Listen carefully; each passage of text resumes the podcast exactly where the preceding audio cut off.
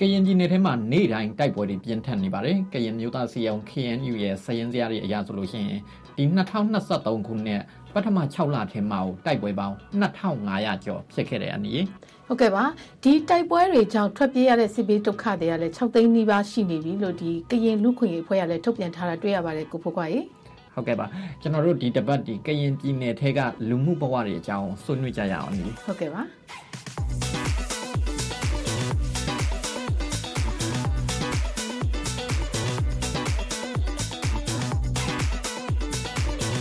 ဒီတပတ်မှာပြောချင်းစရာအစီအစဉ်ကနေကြိုဆိုပါတယ်ကျွန်တော်ကဆော့ဖို့ခွာပါဒီတပတ်အစီအစဉ်မှာတော့ကျွန်တော်တို့ရဲ့ RFA wine not to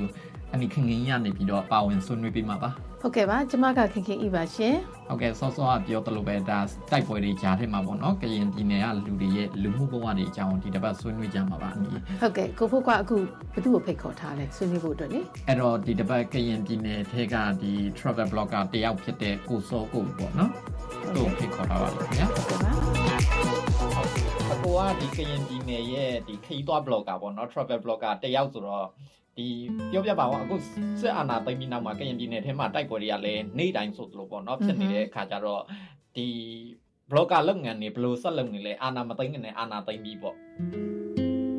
အရင်တော့ဆိုရင်ဒီရန်ကုန်ကတည်းဆိုကျွန်တော်ဖန်အောင်လာလဲဗျာလာလဲမယ်ဆိုရင်တို့တောက်ကြနေညနေထွက်လာတယ်ဒီကိုစနေမနက်ရောက်တယ်ပေါ့နော်ဒါဆိုစနေလဲတယ်တနင်္ဂနွေလဲတယ်တနင်္ဂနွေညကြမှာညကာနဲ့ပြန်ကြတာပေါ့နော်ဒါပေမဲ့အခုလက်ရှိအချိန်ကြီးကြတော့ကျွန်တော်ညကာတွေမရှိတော့ဘူးပေါ့နော်ကားရည်လည်းညဘက်ဆိုမထွက်တော့ဘူး လမ်းမှာအဲ့လိုဒီပြစ်တာခတ်တာလေးရှိတဲ့ခါကျရင်ဟိုဟိုပို့ပြီးကြာသွားတယ်ပြစ်တာခတ်တာလေးရှိပြီးတော့ဒီလုံခြုံရေးတွေပို့တင်းကျပ်လိုက်တဲ့အခါမျိုးကျရင်တချို့ဒီကျွန်တော်ရန်ကုန်နဲ့ဖန်ဆိုတာ6နိုင်ပဲဝေးတဲ့နေရာဗျာအဲ့6နိုင်ပဲဝေးတဲ့နေရာတခါတလေကျရင်ဒီလိုအပစ်ခတ်လေးရှိတဲ့အခါကျရင်အိတ်ထက်မကကြာသွားတယ်ပေါ့နော်တခါတလေကချို့တွေဆိုရင်ဟိုညအိတ်လိုက်ရတဲ့အချိန်ဒီမျိုးတော့ရှိတာပါဗျာဒီ6နိုင်ခီကိုဒီနောက်ပိုင်းမှာပေါ့နော်လုံခြုံရေးအချိန်လေးတွေရှိလာတဲ့အခါကျတော့ကျွန်တော်အဲ့လိုမျိုးသွားပြီးတော့တော်ရညအိတ်ခီတွေတော်ရမှာလမ်းလျှောက်တဲ့ခီတွေ အဲ့လိုမျိုးတွေကိုကြတော့ဟိုအရန်သတိထားလာရတယ်ဗောနော်သတိထားလာရတယ်ဆိုတော့တက်ဆိုင်ဟိုမလုံးကြတော့ဘူးဗောနော်အဲ့လိုမလုံးကြတော့ဘဲဖန်မြေပေါ်နေရာလောက်ပဲအဲဒီတိုင်းပုံမှန်တမယုတ်ကြလဲပတ်လို့ရတဲ့အနေထားလောက်ပဲဖြစ်သွားတယ်ဗောနော်အခုဆိုရင်ဖန်ဝင်လာလဲကြတဲ့သူတွေအများကြီးရှိတယ်ဒါပေမဲ့လာလဲကြတဲ့သူတွေကြောက်လဲဒီ Zagabin တောင်ကြားလောက်ကိုသွားပြီးတော့ staycation သွားတာတွေ relax လုပ်တာတွေလောက်ပဲပေါ့နော်အဲ့လိုမျိုးဖြစ်သွားတယ်ပေါ့ဖန်မာကဟိုတကယ်သွားလို့ရတဲ့ activity ရှိတဲ့နေရာတွေကမြို့ပြင်တွေမှာဖြစ်တယ်ပေါ့နော်ပြီးတော့ဒီဖန်မဟုတ်တဲ့နေရာအထူးသဖြင့်ဒီမြောက်ဒီဘက်ချန်က အဲမူလီတို့ဒီဖျားသုံးစဘက်ကဒီအာရေတခွန်တွေဆိုရင်ပိုလာတယ်ပေါ့နော်ဒါပေမဲ့အဲ့နေရာတွေကြတော့အခုချိန်မှာသွားဖို့တော့ကမလွယ်တော့တဲ့အနေအထားဖြစ်သွားတာပေါ့ဆိုတော့ဒီခရီးသွားတစ်ခုတည်းနေမဟုတ်ဘူးပေါ့နော်အခုဆိုလို့ရှိရင်ခုနမလေးပြောသလိုတိုင်းပြည်ကဒီကိုဗစ်ကြောင့်စီးပွားရေးကြတယ်တခါအခုဒီဒီငြိမ်သက်မှုတွေပေါ့နော်ဆေအာနာတိုင်းငြိမ်သက်မှုတွေကြောင့်စီးပွားရေးကပိုပိုပိုကျလာတယ်ဆိုတော့ကရင်ပြည်နယ်ကမှကရင်ပြည်နယ်ကပြည်သူတွေကရော ဒီတန်ကိုတို့ဘယ်လောက်ထိခံရလဲမောင်လေးတို့ကအဲ့ဒါကိုဘယ်လိုမြင်လဲလူတွေဘယ်လိုနေကြလဲကွယ်ဟုတ်အဲပုပ်ပုလင်းလင်းပြောရရင်တော့ဒီမငင်းငင်းတဲ့ဒဏ်ကြတော့ကျွန်တော်ခံလာတော့ကြာပြီပေါ့နော်အဲ့လိုပဲပြောမှာငငယ်ကလေးကလည်းကျွန်တော်ဒါတွေကြုံတွေ့ဖူးတယ်ပေါ့နော်ဒါပေမဲ့အဲအခုတစ်ခေါက်မှကြတော့ဒါကိုဗစ်လည်းဖြစ်တယ်အဲဒီမှာလည်းကျွန်တော်စီးပွားရေးအရင်ထိခိုက်တယ်လေအဲ့လိုလေးဖြစ်ကြတယ်ပြီးတော့ဒီဘက်ချမ်းမှာလည်းမငြိမ်မသက်တွေဖြစ်တဲ့ဖြစ်တာဖြစ်တဲ့အတွက်ကြောင့်ဘလို့နှစ်တည်းကလည်းဆက်သွားတာဟုတ်၃နှစ်နှစ်ဖြစ်သွားတဲ့အချိန်မှာ အခုဆိုရင်အရင်ကလေးကပေါ့နော်ကျွန်တော်ဒီကင်းပြည်နယ်မှာဆိုရင်ဒါကျွန်တော်လည်းအရင်တော့ဟိုမြို့မှာတင်မဟုတ်ဘူးပေါ့နော်ကျွန်တော်ရွာတွေမှာစာတွေပါလိုက်တင်မှုတဲ့အတွေ့အကြုံတွေရှိတယ်ပေါ့နော်အဲ့မှာဆိုရင်သူတို့ကကလေးတွေဆို၈တန်းလောက်ဆိုရင်တော်ပြီတောင်မော်တက်ပေါ့နော်ဒါဒါကျွန်တော်တို့အရက်ဒေတာဆိုအရက်စကားပေါ့နော်တောင်မော်တက်လို့ခေါ်တာတောင်မော်တက်ဆိုတာကသူကကျွန်တော်တို့ဟိုအောက်လန်းကနေပြီးထိုင်းသွားတာကိုပြောတာပေါ့နော်ဘန်ကောက်သွားတာကိုရွာဘက်ကတွေကတော့ထုံးစံတိုင်းပေါ့နော်သူတို့အမြဲတမ်း ဟိုအမျိုးတွေအချိတ်ဆက်တွေကလည်းရှိနေတာဆိုတော့အတော်မများကအောက်လန်းကပဲသွားကြတာများပါတယ်အခုချိန်မှာဆိုရင်ဒါရွာတွေပါကျွန်တော်သွားလဲလိုက်မယ်ဆိုရင်အဲ့လိုလူငယ်တွေမရှိဘူးเนาะရွာမှာဆိုရင်အရင်ကတည်းကတော့မှလူငယ်နေတာပေါ့နော်အခုဆိုရင်လူငယ်မရှိတော့လို့ပြောလို့ရတယ်ပေါ့နော်ရွာထဲဝင်သွားလိုက်မယ်ဆိုရင်အသက်ကြီးကြီးမိန်းမတွေဖိုးကြီးတွေပဲရှိတော့တယ်ကလေးလေးတွေပေါ့နော်ဒါပဲကြံတာပေါ့အဲ့လိုဖြစ်နေတာပေါ့ကျွန်တော်ကလေကရင်ပြည်နယ်ကပဲလေကရင်ပြည်နယ်ဖန်ပန်းကပဲပေါ့နော်ဖန်ပန်းကပဲပေါ့ဆိုတော့အဲ့ဒီမှာအနေခင်ခင်ကြီးကျွန်တော်ဆိုလို့ရှိရင်16နှစ် တိုင်တိုင်နေခဲ့တာပေါ့နော်နေခဲ့တဲ့အခါကျတော့ဒီကရင်ပြည်နယ်မှာမငိမ့်ကြတာတော့အခုမှမဟုတ်ဘူးကျွန်တော်တို့ငငယ်ကဆိုလို့ရှိရင်ဒါကရင်ပြည်နယ်မှာဆိုလို့ရှိရင်အရန်ထင်ရှားတဲ့ပွဲတွေရှိတယ်ဒါပြည်နယ်ပွဲတို့ကရင်နှစ်သက်ကူပွဲတို့အဲ့လိုမျိုးပွဲတွေရှိတယ်ပေါ့အဲ့ဒီအဲ့ဒီပွဲတွေသွားမယ်ဆိုလို့ရှိရင်အိမ်ကလူကြီးတွေကပေးမသွားပေးမသွားဘာဖြစ်လို့လဲဆိုတော့ အမြဲလေဟုတ်တယ်နော်ကိုဘုံနေပေါက်မှာဆိုလိုတို့ပါတို့ညာတို့ဒါမငိမ့်ချက်တဲ့ဒေတာမှာနေရပါပေါ့အဲ့ဒါကျွန်တော်ဟိုအတွေ့အကြုံတွေတခုပြောပြချင်သေးတယ်ပြောပြချင်တယ်သွားဒီပေါ့နော်ဟိုစက်ကြီးတောင်းတဲ့အဖွဲ့ငငယ်ဝဆိုတော့ဘယ်ဘွက်တွေလည်းမသိပါဘူးစက်ကြီးတောင်းနေဆိုပြီးတော့ရှိတဲ့ခါကျတော့အဲ့ဒါအိမ်အိမ်ဟိုပေါ့နော်ရွာထဲဝင်လာပြီးစက်ကြီးတောင်းတဲ့ခါကျတော့ဒီကြက်ချန်ထဲမှာဝင်ပြီးတော့ကျွန်တော်တို့ကပုံးနေရတာအကောင်လုံးမီးတွေလည်းအကောင်လုံးပိတ်ထားရတယ်ကိုရဲ့သိတယ်မလား အဲ့လိုဆိုတော့ဒါကရင်ပြည်နယ်အကြောင်းပြောမယ်ဆိုလို့ရှိရင်တော့မငိမ့်ကျန်းတာတွေကအခုမှမဟုတ်ပြီးတော့အခုပြောတော့ကျွန်တော်ထောက်ခံနေဒီ2019ပေါ့နော်2019ဆိုတော့ NLD အစိုးရတက်လာပြီးနောက်ပိုင်းမှာကရင်ပြည်နယ်ကဟိုဘုံနဲ့ဆိုပွင့်သွားပေါ့ကိုရဲ့ပွင့်သွားတာအဓိကကတော့အထူးသဖြင့်တော့ခရီးသွားလုပ်ငန်းတွေပဲခရီးသွားလုပ်ငန်းမှာဆိုလို့ရှိရင်ကျွန်တော်အဲသိတလောက်တာပေါ့နော်ဒီဝင်ကြီးချုပ် ဒေါ်နန်းခင်ထွေမြင့်ပြောတဲ့စကားအရဆိုလို့ရှိရင်တို့ကနှစ်ဆတိုးသွားတယ်ဆိုပြီးတော့အဲ့လိုမျိုးပြောတယ်တို့အစိုးရလက်ထက်မှာပေါ့နော်အဲ့ဒါတကယ်အမှန်ပဲအနိတော်ခင်အဲ့ဒီလဲရောက်ခုတယ်လေဟိုရောက်ခုတယ်ဆိုတော့ဒီလိုဟိုဗမာပြည်ကိုအဲ့ဒီဒီအာနာမသိမ့်ခင်ဒီပေါ့တစ်နှစ်တစ်ခေါက်မိဘတွေရှိတဲ့အဲမိဘတွေစီပြန်နေကိုကြီးကိုမုံနှမနဲ့တွေ့တယ်တစ်နှစ်တစ်ခေါက်ပေါ့အာ ခရီးထွက်တယ်ပေါ့နော်ဗမာပြည်အနှံ့ခရီးထွက်တယ်ကို့အမျိုးတွေကလည်းဒီကရင်ကရင်ပြည်နယ်တော့မဟုတ်ပေါ့ကို့မျိုးတွေကဟိုဘီလင်းဘက်မှာရှိတယ်လေနောက်တစ်ခါမော်မြိုင်မှာရှိတော့အဲ့လိုတွေခဏခဏရောက်တဲ့အခါမှာအာစီကားတာနောက်ဟိုဘယ်လိုခေါ်မလဲဟိုလူတွေချစ်ရတယ်လွတ်လပ်ပေါ့ပါနေတာပဲလေအာဈေးဆိုင်ဆိုလဲအတွေ့ကိုမမပြည်တစ်ခေါက်သွားရင်အရန်ပျော်တာပဲအဲ့လိုနေရာတွေသွားလို့ရှိရင်လေဟောကိုစားရတယ်တောက်ရတယ်ပေါ့နော်ဟိုဘယ်လိုခေါ်မလဲခုနကကိုဖိုးခွားပြောသလိုပဲဟိုမောင်လေးပြောသလိုပဲခရီးသွားတွေကအရန်ကိုများတယ်လေ အရန်များပြီးတော့ဟိုဘယ်လိုခေါ်မလဲဗမာပြည်ကိုလာကျင်ကြတဲ့လူတွေလည်းများတယ်အဲအဲ့ဒီကာလကတော့တကယ်ပါပဲနောက်ခုနဟို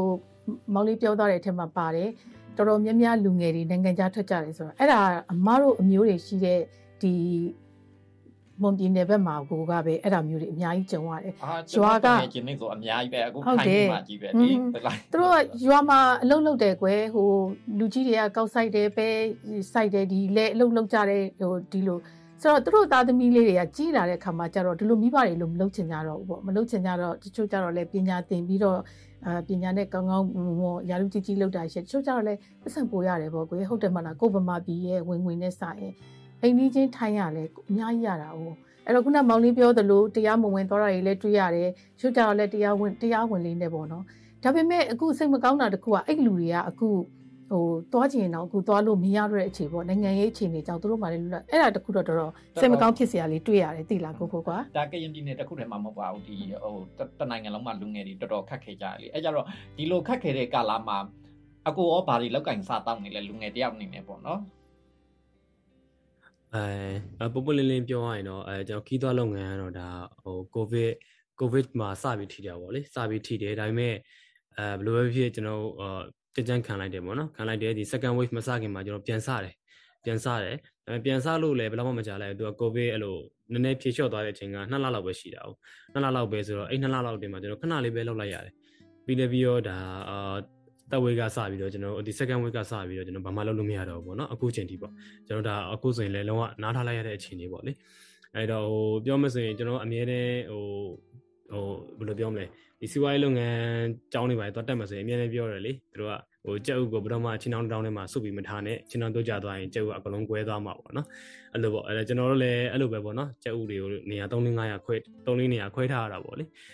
ကျွန်တော်လည်းဟိုဒီခီးသွလုပ်ငန်းလုပ်တယ်ဆိုပေမဲ့ အာဒီတစ်ဖက်ချမ်းမှာလည်းကျွန်တော်ဒီ digital marketing နဲ့ပတ်သက်ပြီးတော့ကိုယ့်ကို freelance တွေလုပ်နေတာရှိရပေါ့နော်အဲ့တော့အခုချိန်မှာပြောရမယ်ဆိုရင်တော့ဒီခီးသွွားလုပ်ငန်းကဝင်ငွေရက်သွားတဲ့အချိန်မှာကျွန်တော်ရဲ့ main income ကဒီ digital marketing ကရတဲ့ income ဖြစ်သွားတာပေါ့အခုတော့ဒီအရင်ကကိုယ့်ရဲ့ဒီ freelance အနေနဲ့ရည်တည်ခဲ့တဲ့ဟာအခုချိန်မှာကိုယ့်ရဲ့ main income တစ်ခုအနေနဲ့တော့ပြန်ရည်တည်နေရတာပေါ့ဒါတော့ဒီလိုပါပဲအခုဒီကရင်ပြည်နယ်မှာဖြစ်ပျက်နေတဲ့ဟာတွေကိုကြည့်ပြီးတော့ကိုကကရင်ပြည်နယ်ကဆိုတော့လေအရန်အရန်ဝမ်းနေတယ်ပေါ့နော်ဘာဖြစ်လို့လဲဆိုဟိုအခြေအနေတစ်ခုကိုရောက်လာပြီး ရောက်လာပြီးတော့မှဒါစစ်ပွဲတွေပြန်ဖြစ်တဲ့အခါကျတော့ပြန်ပြီးတော့ဘုံကနေဆိုကျသွားတဲ့ပုံစံမျိုးပေါ့ဒါကရင်ပြည်နယ်ဆိုလို့ရှိရင်တခြားပြည်နယ်တွေထပ်ဆလို့ရှိရင်ဒါနှစ်ပေါင်း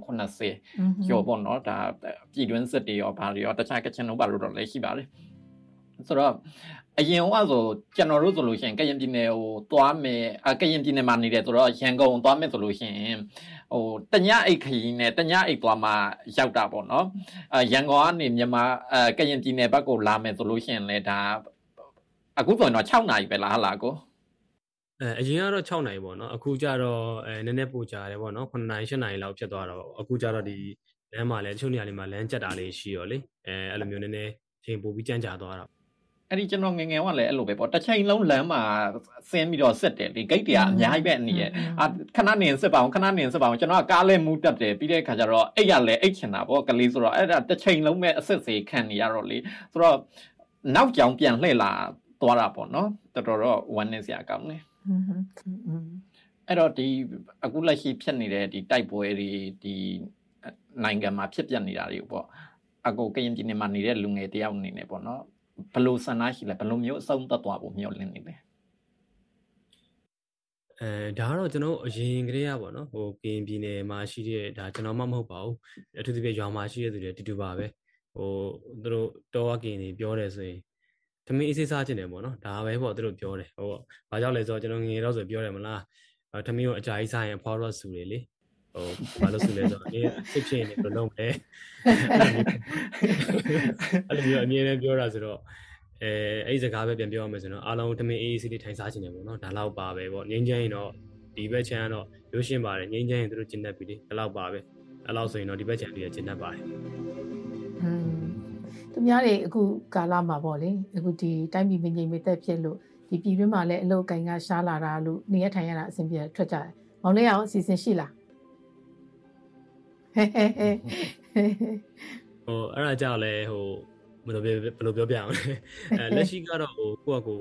လက်ရှိအနေထားရတော့ကိုယ့်အကိုစူးစမ်းပြီးတော့ဒီမှာနေကြည့်တယ်ပေါ့နော်ဒါပေမဲ့လည်းဟိုလူဆိုတာကြတော့ကျွန်တော်မှမဟုတ်ပါဘူးဘယ်သူမှဆိုပေါ့နော်ဟိုပိုကောင်းတဲ့အခွင့်အလမ်းတစ်ခုရှိလာတဲ့အခါကျရင်ပေါ့အဲဘယ်သူမှဆိုတော့ဖန်ဆောင်ချင်ကြတာပဲပေါ့လေအဲ့ချိန်မှာအခွင့်အလမ်းကလည်းကိုယ့်ဘက်မှာရှိတယ်ဒီကိုယ့်ဘက်ကအနေထားကလည်းဒီအခွင့်အလမ်းကိုဖန်ဆောင်ဖို့အတွက်အဆင်ပြေတယ်ဆိုရင်တော့အဲ့ဒီအခွင့်အလမ်းကတော့ဟိုပြည်တွင်းမှာပဲဖြစ်စေပြည်ပမှာပဲဖြစ်စေပေါ့နော်ကိုကတော့ဖန်ဆောင်ပြီးမယ်လို့ထင်ပါတယ်ဗျ အခုတော့တိုက်ပွဲတွေဖြစ်နေတော့ထားလိုက်အောင်ပေါ့တကယ်လို့တိုက်ပွဲတွေလွန်သွားတဲ့ကာလကြရင်ကရင်ပြည်နယ်ကိုသွားလိုက်မယ်ဆိုလို့ရှိရင် travel blogger ရှိတယ်ဘယ်နေရာတွေသွားလဲတင်လဲကျွန်တော်တို့နည်းနည်းလောက်ပြောပြပါအောင်ဘယ်နေရာတွေမဖြစ်မနေရအောင်သွားတင်လဲကောအဲဒါကြတော့ဗောနော်ဟိုကျွန်တော်တို့ဆိုရင်တော့အမြဲတမ်းဟိုဒီကင်းမီနယ်ကိုလာလဲတော့မယ်ဆိုရင်ကျွန်တော်အမြဲတမ်းမေးရဗောနော်ဟို ဘာလို့ချင်တာလဲပေါ့နော်ဘယ်လိုပုံစံမျိုးနဲ့လဲပဲချင်တာလဲအဲသူကဘယ်လိုခီးသွားတိုက်မျိုးလဲပေါ့နော်ဒါပေါ်တော့သူကဒီဖះဖူးကသဘောကျတယ်အေးစစ်စစ်လေးပဲဒီအဲဂူတွေကိုလဲချင်တယ်ဆိုရင်တော့ဒါကကျွန်တော်တို့ဟိုစာတန်ဂူတို့ရတိပြန်ဂူတို့ကျွန်တော်ပေးသွားတယ်ပေါ့နော်ပြီးရတိပြန်ဂူမှာဆိုလှေစီးလို့ရတယ်ရတိပြန်ဂူနားမှာဆိုရင်လည်းဒါဟိုအရန်ဟိုလှတဲ့အဲ့လိုလှိုင်ဂူကြီးတစ်ခုရှိတယ်ပေါ့နော်ဒါဂူတဲ့ကိုကျွန်တော်လှေနဲ့စီးပြီးတော့ ကိုထဲမှာနိုင်ဝက်လောက်စီရတဲ့ဟာမျိုးရှိတာပေါ့နော်ရီလိုင်ကူလို့ကျွန်တော်တို့ခေါ်တာပေါ့ပြီးရင်စားလိုက်ကူမှာလည်းကျွန်တော်လှည့်ပြန်စီလို့ရတယ်ပြီးရင်ကော့ကတောင်ကူရှိတယ်ပေါ့နော်ဒီလိုကူတွေကိုဒါတွားရောက်လက်ပတ်ဖို့အတွက်ကျွန်တော်အကြံပေးတယ်ပေါ့အဲအဲ့လိုမဟုတ်ဘူးသူကနည်းနည်း adventure ကြိုက်တယ်အဲ adventure ကြိုက်တယ်သူကဒီတောင်တက်ရတွေကြိုက်တယ်လှေလောရတွေကြိုက်တယ်ဆိုရင်တော့ဒါကျွန်တော်တမျိုးစဉ်းစားပေးတာပေါ့နော် adventure ကိုသူကတိတ်အကြံကြီးမနိုင်ဘူးနည်းနည်းဟိုပေါ့ပေါ့ပပလေးပဲဆိုရင်တော့ဒါဟိုနိုင်ဝက်လောက်ပဲတက်ရတဲ့တောင်ဝိုင်းတို့ပြီးတော့ဒီဖန်မျိုးတစ်ဖက်ကဖားဖို့တောင်လို့ပေါ့လေအဲ့ဘက်ကိုသွားဖို့တက်ကကျွန်တော် recommend ပေးတယ်ပေါ့နော် ဒါမေးမေးမဲ့တာမေးရတာတိုက်ပွဲကဘယ်နေ့ပြီးလို့ပြီးမဲ့မမသိသေးတဲ့အခါကျတော့ကျွန်တော်အခုလောဆိုတော့ဒါမှတ်ပဲမှတ်ထားလိုက်ပါမယ်ကိုရဲ့ကိုစောကိုကျွန်တော်တို့စီစဉ်မှာလာလဲပဲပြန်လာချင်တာကိုကလည်းကိုတိုင်းပြည်ဘာပဲဖြစ်ဖြစ်လေပြန်နေကြဆိုတော့ကိုတိုင်းပြည်လောက်ဘယ်နေရာမှကိုမပြောပါဘူးတကယ်နေ့စဉ်နဲ့အမျှလဲကိုတိုင်းပြည်အကြောင်းပဲတွေးနေတာအဲဒီလိုဒီမှာตาရတဲ့နိုင်ငံနေရာတွေရှိပေမဲ့လေအော်ငါတို့တိုင်းပြည်မှာလည်းရှိတာပဲဆိုတာကိုဖြစ်တာပေါ့နော်ကိုရီးယားကို ဘာဖြစ်ကိုတိုင်းပြည်ကိုတော့လူတိုင်းကတော့ကိုချစ်ကြတာကြီးပဲကျွန်တော်ကပို့လွမ်းတာပေါ့ကရင်ပြည်နယ်ဆိုတော့ကိုမြို့ရွာဆိုတော့လေကရင်တုံးနေအာကရင်မုတ်တီတွေစုံမော့ဘယ်နဲ့ဆက်ကြလာပြီကိုစောကိုကျွန်တော်တို့ရဲ့အစီအစဉ်မှာပါပြီးတော့ဆွေးနွေးပြတဲ့အတွက်ကျေးဇူးတင်တယ်ကိုနော်ဟုတ်ကျေးဇူးတင်ပါတယ်ဗျဟုတ်